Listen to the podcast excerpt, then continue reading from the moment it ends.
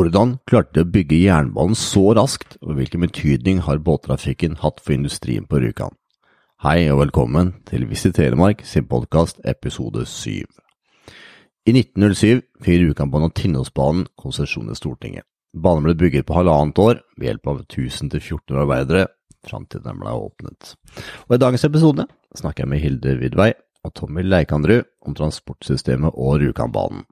Vi er blant annet innom Tinnsjøfergene, Storegutt, Ammonia, været på Tinnsjøen, syvmilsspor og mye, mye mer. En utrolig interessant samtale, og vi håper du koser deg like mye med dagens episode som det vi gjorde, og tusen, tusen takk for at du hører på. Da ønsker jeg velkommen til dagens episode og Hilde Vidvei. Velkommen, Hilde. Takk skal du ha. Hva er Rjukanbanen? Rjukanbanen er et helt nødvendig transportsystem som måtte til når uh, Sameide ville bygge industri og kraft i Vestfjorddalen rett under Rjukanfallet. Det var drift i 82 år, først med damp, så elektrisk drift, og så har vi jo da en periode der det ikke skjedde noe etter nedleggingen av industrien i 91. Men nå er vi på igjen. Så bra. Så nå driver Industriarbeidermuseet museumsbane. Så nå kan man reise med banen, eller åssen er det? Nå kan man reise med Rjukanbanen igjen. Både jernbane og med ferjene. Jøss, yes, så gøy. Ja. Er det sånn som er operativt hele året, eller? Den er jo en uh, passasjerbane i midterste delen av året. Ja. Så fra mai til september. Så Tommy Leikandrud, du er vel ansvarlig for, uh, for denne delen? Ja, uh, jeg er jo maritimt ansvarlig for Ammonia og Storgutt. Og uh, per i dag så er jo Ammonia et lystfartøy, dvs. Si at den ikke har klassifikasjon for noe som helst. Så den ligger jo der som en museumsbåt for omvisning. Men storgutt derimot, den har i dag passasjersertifikat og Roro-sertifikat. Helt nyerverva for øyeblikket, så nå kan vi frakte passasjerer og rullende last. Og det vil si alt ifra togvogner og biler og motorsykler og hva det måtte være vi ønsker å frakte over Tinnsjøen. Så moro! Ja da, det er kjempemoro. Vi har, det har vært et langt lerret å bleike å få tilbake det ROR-sertifikatet. Det er ikke alltid like lett å forholde seg til Sjøfartsdirektoratet, men etter en del gransking og forskning så ble det så at vi fikk tilbake Roro-funksjonen. Og det er jo moro, da. Altså, Storgutt er jo tross alt eh, skuti fra 1956.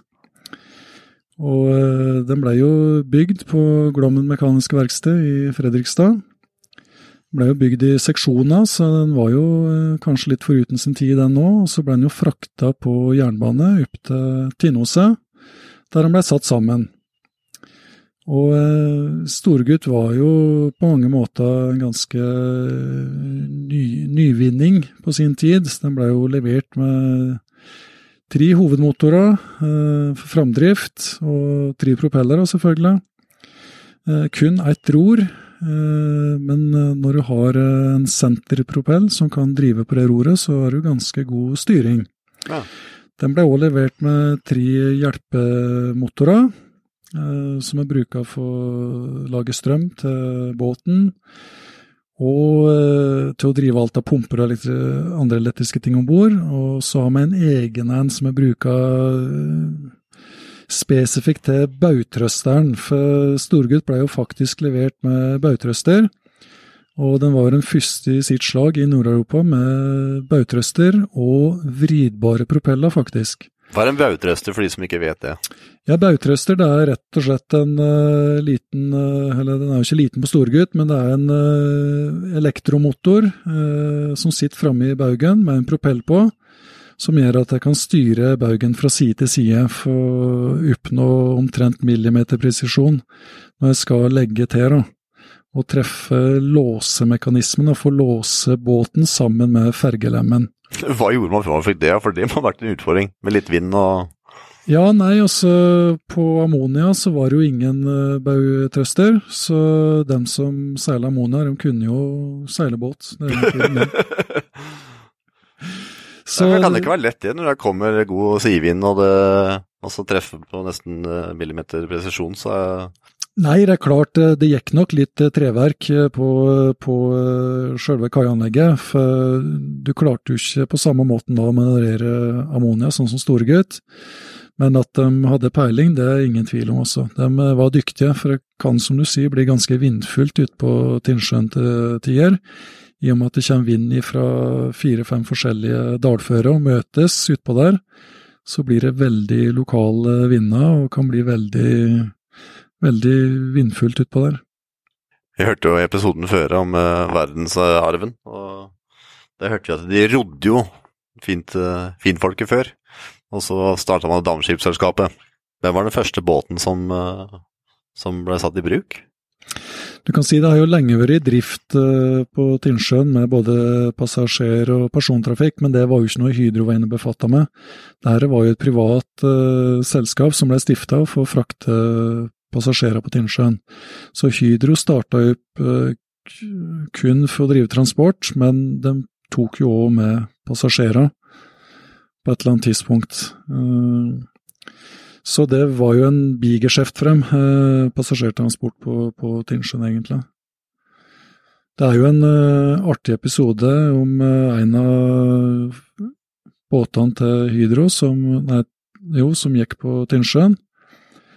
Og uh, de hadde jo gått ut og var på vei nedover til Tinnoset. Uh, men det var vindfylt, og det kom ei eh, kraftig kule når de hadde runda Håkanesodden, og eh, båten den eh, ble snudd 180 grader rundt. Og det var jo selvfølgelig da feil retning, de skulle jo til Tinnoset, så de måtte faktisk kjøre helt tilbake til Vestfjorden for å snu og komme rundt og komme seg nedover igjen ned til Tinnoset. Så været på Tinnsjøen, det kan være lunefullt. Ja. Så han stakkaren som rodde finfolk over, han hadde litt av en jobb? Ja, det gikk vel an å leie seg folk, tror jeg, eh, fra Tinnoset som eh, rodde folk opp eh, på den tida når det var aktuelt. Mm. Men det har jo en historie, denne banen her òg. Det var jo noen mennesker som bygde den banen her òg. Ja, de menneskene er nøkkelen til hele verdensarven, tenker jeg de mange arbeiderne som kom hit. Var de reisende, eller hva, hvordan var Ja, det var stolte omreisende fagarbeidere. Og selvfølgelig hjelpemenn og alt det, men eh, å drive tunnel her og bygge jernbane, det er ikke noe man lærer seg fra en dag til neste. Så det er klart eh, mengden av de måtte vite hva de holdt på med, og kunne det samarbeidet det er å legge et spor. Mm. Er, med ferjene så er det nesten sju mil, og så er det sidespor opp til Vemork. Men sju mil, altså de bygde dette på rekordtid i tillegg, da. Så hvor mange mann var det som var i drift i, i den perioden? Det er forskjellige svar på det. Eh, noen sier 1400, noen sier over 1000, så ja. det er klart det har vel variert lite grann. Mm. Men eh, det er ingen tvil om at det var over 1000, så hvis vi runder dit, og de hadde jo da Start, eh, en god beite før eh, staten hadde sagt konsesjon ok. Mm. Og to år etterpå, i 1909, ja. så er banen klar. Da har de eh, satt liten stopp, for de ville ha ei krone i lønn, disse stolte arbeiderne. Ja. Og da er det tre måneder stopp, inntil Sameide godtar det kravet. Eh, og i tillegg så er det flom mellom eh, Notodden og Tinnoset som skaper vansker. Det må ha bydd på en del utfordringer når man bygde den banen her, da. Den er jo ikke akkurat det beste plassering, letteste heller, så det må ha bydd på en utfordring underveis her òg? Ja, men eh, ingeniørkontoret til Sameide i Oslo hadde jo jobba med jernbane før, så den biten er nok ikke ny. Og, og, grunnen til at de òg velger ferjetrafikk, istedenfor å drive gjennom fjellet langs Sinnsjøen, er nok den sikkerheten for at de veit eh, omtrent hvor lang tid det tar å bygge et fartøy, og omtrent kostnaden på det. Mm. Så selv om det gjør at banen er meget kompleks, så er det løsningen, da, de velger. Og så er den rimelig bratt, var den ikke det, på enkelte plasser? Ja, sporet opp til Vemorke er et av de bratteste i Norge. Ja. Og det har vært rasutsatt uh, hele driftssida. Ja, det har det, ja. Så den, akkurat den biten er jo sporet fjerna fra nå. Ja. nå. Så de stakkarene som da kjørte, eller var det noen som eh, opererte da toget oppover der når det var så rasutsatt hele sin tid, eller? Ja, det er klart. de, de måtte jo opp. Denne her banen eh, var helt nødvendig for å holde drifta i gang. Ja. Eh, og det fortelles jo at eh, det var vanlig å stå foran på lukket, lokfører inni, og så er det en hjelpemann foran, og så skyver, skyver man da vognene opp. Og i begynnelsen så er det eh, Det er jo kjel, men man fyller kjelen med damp eh, nede på industriområdet, og så har man nok energi til å komme seg opp, og så skal man da rulle med vekta ned bakken igjen. Bratt nok til det, jeg trenger ikke så mye bakke. Og i eh, en herlig snørik dal, så er det da på et tidspunkt eh, på 60-tallet godt snøras. Men lokføreren han regner med at dette er ganske mykt og vil føke seg vekk når han peiser gjennom. Eh, Så den som står foran på lukket, han eh, blir da plutselig stående rett opp i løse lufta når lokomotivet løfter seg opp i den snøen istedenfor. Så det var et øyeblikk der han nok kjente at han levde. Det vet du. Har du tatt banen nå som den har åpna, eller? Vi har reist med banen, ja. Ja. ja. Eh, I tillegg til ferje med Storegutt, så kan man reise med Rjukanbanen nå. Det må jo gi en spesiell atmosfære en spesiell følelse. Man vet hvor mye historie som er der, så må det gi litt spesiell eh, både tanke og følelse man står der, eller? Det er jo spennende å reise gjennom Vestfjorddalen. Det er det. Hva er det man eh, ser og opplever når man tar banen?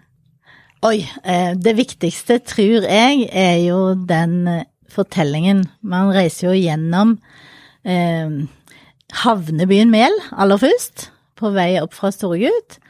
Eh, det var omtrent bare mennesker som jobba med Rjukanbanen og fartøyene, som eh, bodde på Mel. Ja. Et helt samfunn bygde opp rundt dette. Yes.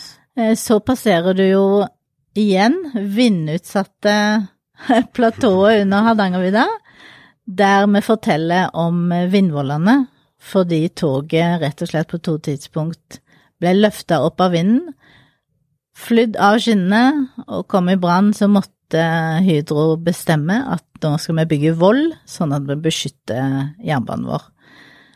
De vindforholdene er helt spesielle.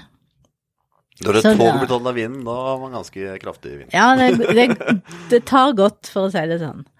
Eh, og så får du da blikket på Gaustatoppen og tilbake til den magiske, selvfølgelig, grunnen til at folk begynte å reise hit. Mm. Eh, du får blikket på den flotte elva, og du reiser gjennom egentlig en grønn tunnel først, fordi i tillegg til vindvollene, så måtte de da plante mange hundre trær for å beskytte banen sin. Ja. Det er klart, den eh, vegetasjonen prøver vi å kontrollere nå, men man ønska den på et tidspunkt. Så får du alle kraftverkene, da. Og eh, fem kraftverk som Hydro lager laga sjøl, er en viktig bit av fortellingen. Mm. Og så er vi plutselig inne i eh, verna by, der fabrikkbyen Rjukan, bygd kun for industrien, eh, får en viktig rolle på slutten av turen vår, før vi passerer Såheim kraftstasjon gjennom en tunnel inne i kraftstasjonen. Så spennende. Når åpner eh, turen? Altså når er det, hvilken periode er det mennesker kan reise og oppleve den turen? Man kan jo bestille den fra, fra mai måned, men eh, den vanlige turistprogrammet vårt det starter i slutten av juni og Ja. går ut til midten av august. Og da varer turen eh, hvor lenge? En tur ned enveis er 40 minutter. Utrolig spennende. Ja, den er flott. Er det mange mennesker som er med, antar jeg, i løpet av en eh, sesong? Ja da, vi har mange tusen som reiser med oss. For det, har jeg har bare sett når jeg har vært her et par ganger her på Vemork. Og det er jo mye mennesker her, da. Det er mye turister, mange som er og ser og Det er mye, og det blir flere, tror jeg. Ja. Og det er forståelig, for det ligger veldig mye historie rundt her, da. Ja, du vet, bare det å peke på eh, historikken gjennom ferjene syns jeg er spennende, fordi eh, fra 1909, når eh, lille dampferja Rjukanfoss kommer, så har den plass til åtte-ni jernbanevogner om bord. Godset skal ut til verden og selges kunstgjødsel til hele verden.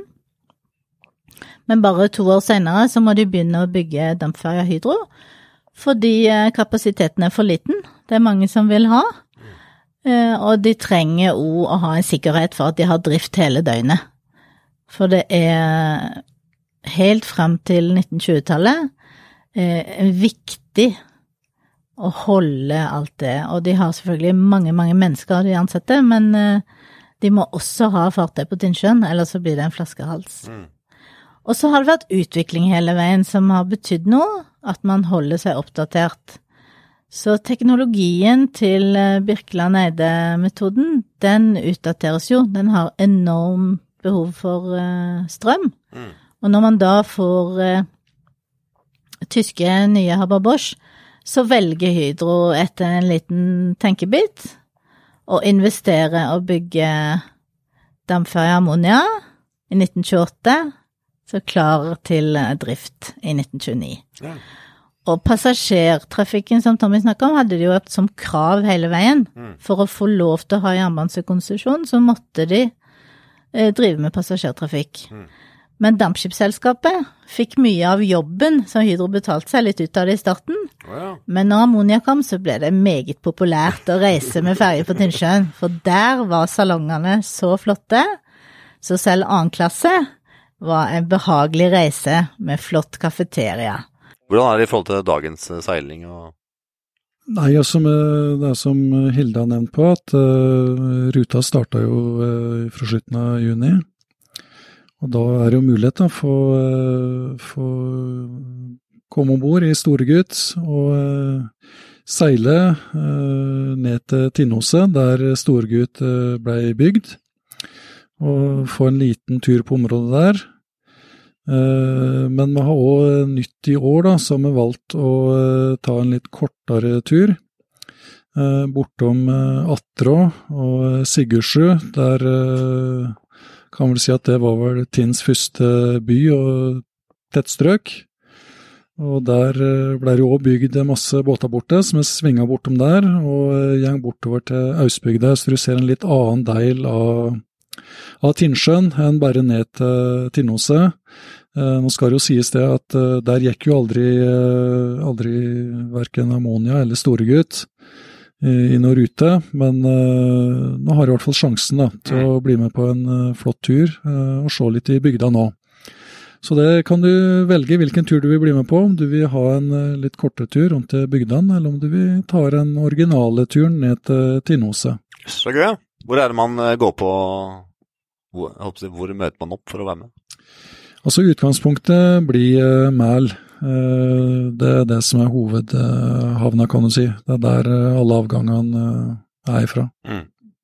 Er det noe du vil ha med, Hilde, som ikke har spurt om? Du syns det er viktig å få med på Den historiske biten vår er jo viktig. Turopplevelsen og hver eneste tur så tenker vi det har vært et poeng å markere dampferja Hydro, som eh, vi mista i 1944 under den siste tungtvannsaksjonen. Der eh, er vi på noe av det djupeste i Tinnsjøen, 430 meter, og eh, når den gikk ut, så er det mange mennesker om bord færre enn på en vanlig søndag, så det kan hende noen hadde fått et lite hint, men de som utførte sabotasjen, eh, hadde fått streng beskjed om at dette, dette må man bare gjøre, og ingen kan vite om det. Mm. Og da er det jo 18 menneskeliv som har gått tapt, som eh, er i krigsgrava der nede. Så den er viktig å markere for oss. Så historien her oppe er jo magisk med de fire søylene, og, og, og, at alt på en måte ble lagt fra grunnen av. Men det er klart, tungtvannsaksjonene har jo òg magnetisme for å få gjester hit.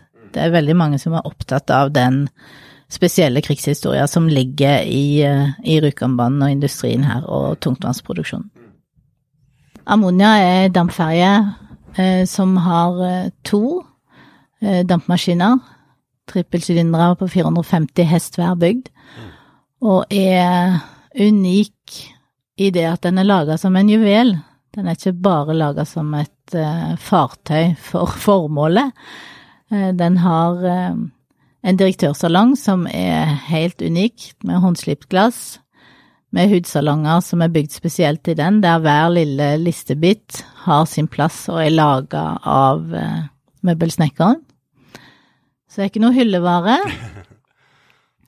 Og der er jo vi inne på det her med å fornye seg, for når Hydro velger å legge om produksjonsmetoden og velger å bygge helt nye fabrikker på 18 måneder, så ser de at de må ha et fartøy som er dobbelt så stort som eh, Rjukanfoss og Hydro. Og da tar de i, og 925 000 i 1928 er mye penger. Og det er tunge tider egentlig i verden. Sånn at man, man investerer og graver dypt i lomma. Og noe av grunnen til da å lage helt spesiell salong, er jo selvfølgelig at man ønsker å få friske penger inn i systemet. Mm. Så å, oppnå det Ammonia har den effekten som eh, adminiene på Notodden og Rjukan har. Ja. Den, er, den, har fått kongelig besøk flere ganger. Så bra. Vi håper du koste deg like mye med dagens samtale som vi gjorde. Og ønsker du å besøke Rjukan og ta Rjukanbanen, så kan du gå inn på nia.no, eller besøke visittelemark.no. Ha en utrolig fin dag videre.